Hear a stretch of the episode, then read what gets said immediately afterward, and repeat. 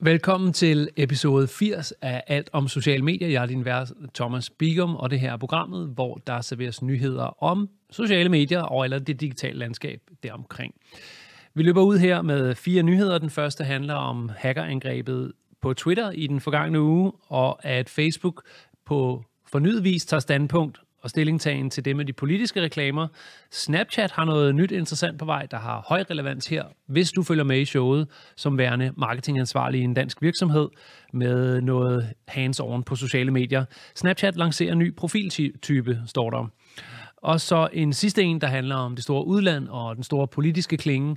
Derfor investerer Google i en indisk internetudbyder. Episode 80 Velkommen til. Husk, du kan abonnere her på Facebook, hvis du ser videoen, og du kan abonnere i din podcast-app, hvis du vil nøjes med lyden, som du så kan lytte til under transport, for eksempel på vej til og fra arbejde. Vi lægger ud med nyhed nummer 1, tilrettelagt af Maja Grønhold Jensen. Twitter er, har været under stort koordineret hackerangreb. Kim Kardashian, Barack Obama og Bill Gates er blot nogle af de prominente personligheder, der fik deres Twitter-konti hacket i et stort koordineret angreb. Ukendte gerningsmænd skaffede sig adgang til en lang række kendte samt store virksomheders Twitter-konto. Gerningsmændene, konti i flertal, gerningsmændene brugte de forskellige store konti til at udsende tweets, hvor de opfordrede folk til at øh, overføre penge til en bitcoin-konto. Til gengæld ville de her snu hackere så øh, sende afsenderne øh, det dobbelte beløb retur, og, og det er altså så angiveligt, må man antage, at nogen, der faldt for, øh, og men det nok var forholdsvis tydeligt for den almindelige dannede internetbruger, at det nok var noget med uler i mosen. Men øh, øh, medierne melder, at mere end øh, 100.000 amerikanske dollar blev overført, inden Twitter fik kontrol over situationen. Hvordan man ved det, det øh, er uvist. Danske eksperter undrer sig over, at bagmændene ikke har brugt oplysningerne anderledes. De vurderer, at man kunne sælge oplysningerne til et langt større beløb på det sorte marked. Så der har simpelthen været nogle hacker her, der har tænkt, okay, det var guldet, vi har nu. Nu logger vi ind. Vi, vi bruger det, men vi bruger det ikke til det værste. Vi bruger det til at, at sige noget med bitcoin, og så score nogle bitcoin. Det er jo på en eller anden måde smukt, hvis det er faktisk sådan, som IT-eksperter vurderer det, at det her det kunne have voldt meget større vanskeligheder og kunne have været øh, Øh, taget til meget mere ekstreme højder, at man nøjes med at lave et lille bitcoin-scam, der var 22 minutter. Peter Kruse, der er IT-sikkerhedspert hos CSIS something med en masse bogstaver. Security Group mener, der må ligge et andet motiv end pengene bag det store angreb. Hmm. Måske kunne det også godt bare være, at det var nogle unge hackere, der fik adgang og tænkte, hvor fuck, nu har vi adgang. Hvad gør vi, inden det bliver opdaget, at vi har adgang? Og så øh, forfatter de et tweet, der hedder, overfør bitcoin-penge til den her konto, så sender vi det dobbelte retur. Og så, så har der siddet nogle hacker-typer og tænkt, så krydser vi fingre og ser, om der er nogen, der falder for den.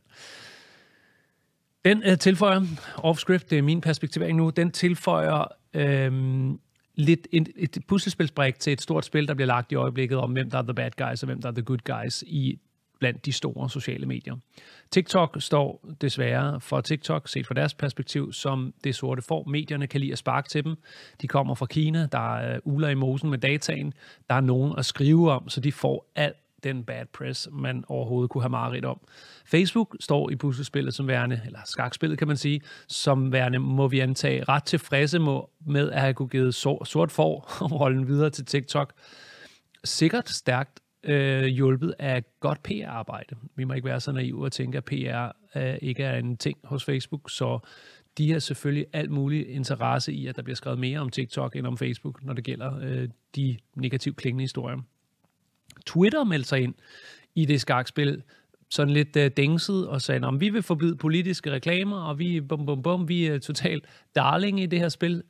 Forholdsvis nemt sted at stille sig på skakbrættet, når man er øh, så relativt set lille sociale medie som Twitter, men øh, Twitter har stor rækkevidde, trods det er et lille sociale medie, og øh, nu fik Twitter så kan man sige, et lille slag med en våd bærlinger i form af karma, når de sådan går ind på skakbrættet i dængsepositionen, når de sådan bliver hacket, og dermed viser sårbarhed.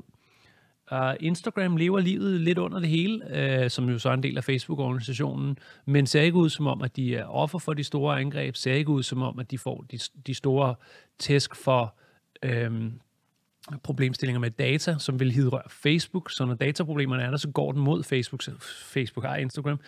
Det problem, Instagram har oplevet gennem sidste måned eller kvartal, har været Black Lives Matter-diskussioner, øh, hvor at der er blevet rettet kritik af, at der er for få øh, etniske minoriteter ansat i Instagram, men de historier har været langt under radaren, og det er nærmest sådan, at jeg tænker, at hvis jeg har 100 seere på det her show, så er jeg måske den eneste, der har hørt de historier. Måske er vi en to-tre stykker, der har vidst, det har været på dagsordenen. Det siger lidt om, hvor meget af det er blevet begravet af de andre store historier, hvordan Instagram som brand stiller sig som værende sådan neutrale. De, de er Schweiz i den her diskussion. Der sker sgu ikke så meget omkring Instagrams brand, men der sker en hel del på Facebooks og, og rigtig meget i TikTok-lejren. LinkedIn, jamen det er som om det er sådan en brik, der har stillet sig ude i siden, som ikke rigtig bliver talt om nogensinde, til trods for, at en af de ting, som TikTok fik meget flag for, at TikTok aflæser, hvad du har i din clip-folder, altså copy-paste. Der kan TikTok læse, hvad der står gemt derfra, måske en tidligere internet-session,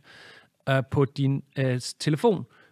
Det blev LinkedIn bustet i 2014. Den, den selv samme feature, altså at LinkedIn kan aflæse clip-folderen, kalder man det.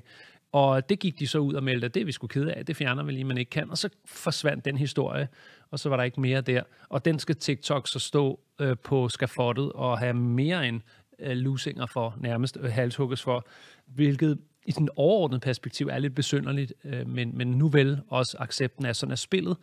Det er ikke altid øh, helt fair, altså at det, den samme losing, øh, den, den klasker og, og smelter simpelthen anderledes, når man hedder TikTok i 2020, end når man hedder LinkedIn i 2014, til trods for, at det er nøjagtigt den samme feature, og der er en da er gået seks år med kulturforskelle inden for, hvad apps og mobiltelefoner suger af data.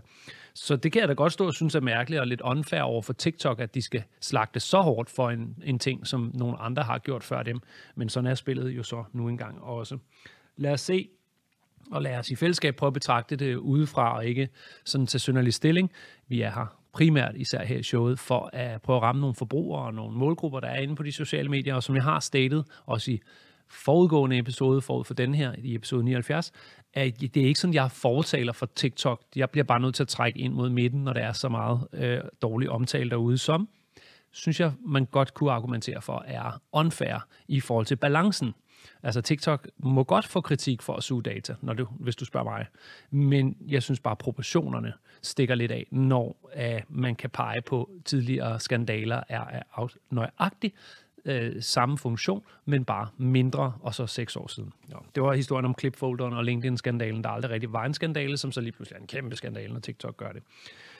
Godt PR-arbejde af dem, som trykker de her øh, historier øh, op i medierne, altså presser og påvirker medierne. Godt arbejde, jeg siger. Det var nyhed nummer et, det var Twitters uh, hackerangreb, og så min perspektivering, der dannede lidt større billede af, hvad der foregår i øjeblikket derude på klingerne. Så går vi til nummer to. Forbyder Facebook politiske reklamer? Spørgsmålstegn. Ifølge det amerikanske nyhedsmedie Bloomberg diskuterer Facebook lige nu internt muligheden for at forbyde alle politiske annoncer på platformen forud for det amerikanske præsidentvalg i november. Og de har travlt med den beslutning, for nu skal bussen til at køre. Facebook er blevet kritiseret for ikke at gøre nok for at stoppe politisk motiverede falske nyheder, og forbuddet overvejes ifølge, af, ifølge We Are Social Media som reaktion på den kritik. Vi har også haft den oppe her i showet, og nu, som jeg siger, der, der, nu går den bus altså snart, så Facebook skal til at tage stilling. Det bliver spændende at se, om jeg så kan afrunde det med en konkretisering fra Facebooks side. Den sidste bullet, jeg har på den her nyhed er, hvis Facebook går så langt som at forbyde alle politiske reklamer, så vil det selvsagt have en stor indflydelse på Facebooks bundlinje. Men det vil sende et stærkt signal om, hvem de ønsker at være, og hvad de ønsker at stå som. Sådan i diskussionen om din platform, en teknologi, eller om dit medie med en redaktion, der bestemmer en linje. Det er simpelthen det, der er på spil her. Nummer tre, Snapchat lancerer ny profiltype, og så begynder det at være her, du skal lytte efter som virksomhedstype, måske er du er ansvarlig for sociale medier, øhm, og har en målgruppe, der ligger nede i det leje, og med nede mener jeg nok aldersmæssigt, men i det leje, hvor Snapchat bliver øh, relevant. Der står, Snapchat introducerer brandprofiler for virksomheder i en ny beta-test. Frem til nu, offscript, har det været sådan, så at øh, man på Snapchat har en almindelig profil, hvis man er der som virksomhed, og så agerer man på nogenlunde lige vis, og så kan man så oprette en øh, annonceadministrator, og så annoncere ind i det. Men nu skiller de så tingene ad, sikkert øh, med kraftig inspiration på måden, som de gør det hos Facebook og Instagram. Brandprofiler ligner meget offentlige profiler, men virksomheden vil ifølge We Are Social Media også få adgang til unikke værktøjer, der lader administratoren oprette og administrere indhold uden for mobilappen. Kører lige nu som test for udvalgte virksomheder Ben Jerry's, Gucci og L'Oreal. Snapchat regner med at udrulle til alle virksomheder senere i år. Det, der tales om her, er for at konkretisere, øh, at oprette og administrere indhold uden for appen. Det kan være lidt svært at lave indhold i kreativet, der matcher platformen udenfor i redigeringsprogrammer, og det, der kan være høj friktion forbundet med at få det ind og leve på Snapchat, så funktionerne bliver brugt optimalt. Men hvis Snapchat åbner op, så man nemmere kan arbejde og importere, og måske også eksportere og trække ud og, og redigere i, i, i nogle programmeringssuiter, der er lidt mere tunet, end en Snapchat er i sig selv, og så trække det tilbage til Snapchat uden den store friktion, så kan vi få nogle ret vilde kreativer at se for de store brands, og det vil brandsene gerne lave, for når de så har lavet det, vil de gerne lægge annoncepenge, og Snapchat vil gerne tjene de penge. Så det er det, vi kommer til at se, og jeg er slet ikke i tvivl om, at det bliver topfedt. De navne, som du kan holde øje med på Snapchat, lyder altså Ben Jerry's, Gucci og L'Oreal. Og læg mærke til, om der sker forskel i deres kreativer, om de måske også har adgang til nogle nye features, filtre, som vi andre ikke har. Altså, de har det før tid, så vil det være på de konti, at du kan se det først. Det lukker tredje nyhed, og vi slutter med en lille international størrelse, der handler om Google og Indien. Google vil være stærkere på det indiske marked. Nu investerer Google 4,5 milliarder amerikanske dollars i den internet, uh, undskyld, indiske internetudbyder Geo. Google og Geo vil for fællesskab udvikle en prisvenlig smartphone, så endnu flere indere kan blive indehavere af en smartphone. Ifølge Social Media Today udgør de 4,5 milliarder amerikanske dollars en andel i virksomheden på 7,73 procent.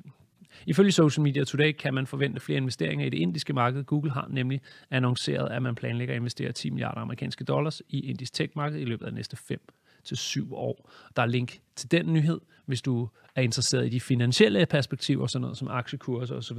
Link ligger i show notes i podcasten, og ligger også sammen med opslaget her på vores hjemmeside bigom.co blog, og så kig efter episode 80. Vi har et rundt tal i dag. Jeg venter lidt med at fejre det med de store kanoner, til vi rammer episode 100. Jeg vil bare nøjes med at lukke 80'eren af nu. Kan du have det rigtig 80'er, få set noget Chuck Norris og uh, lytte til din Ghetto Blaster og forvent dit kassettebånd. Husk at spole frem og tilbage. Ha' det 80'er, indtil vi ses, så, ha, ja, så skal den lyde sådan nu, Thomas. Så indtil vi ses, så ha' det rigtig 80'er.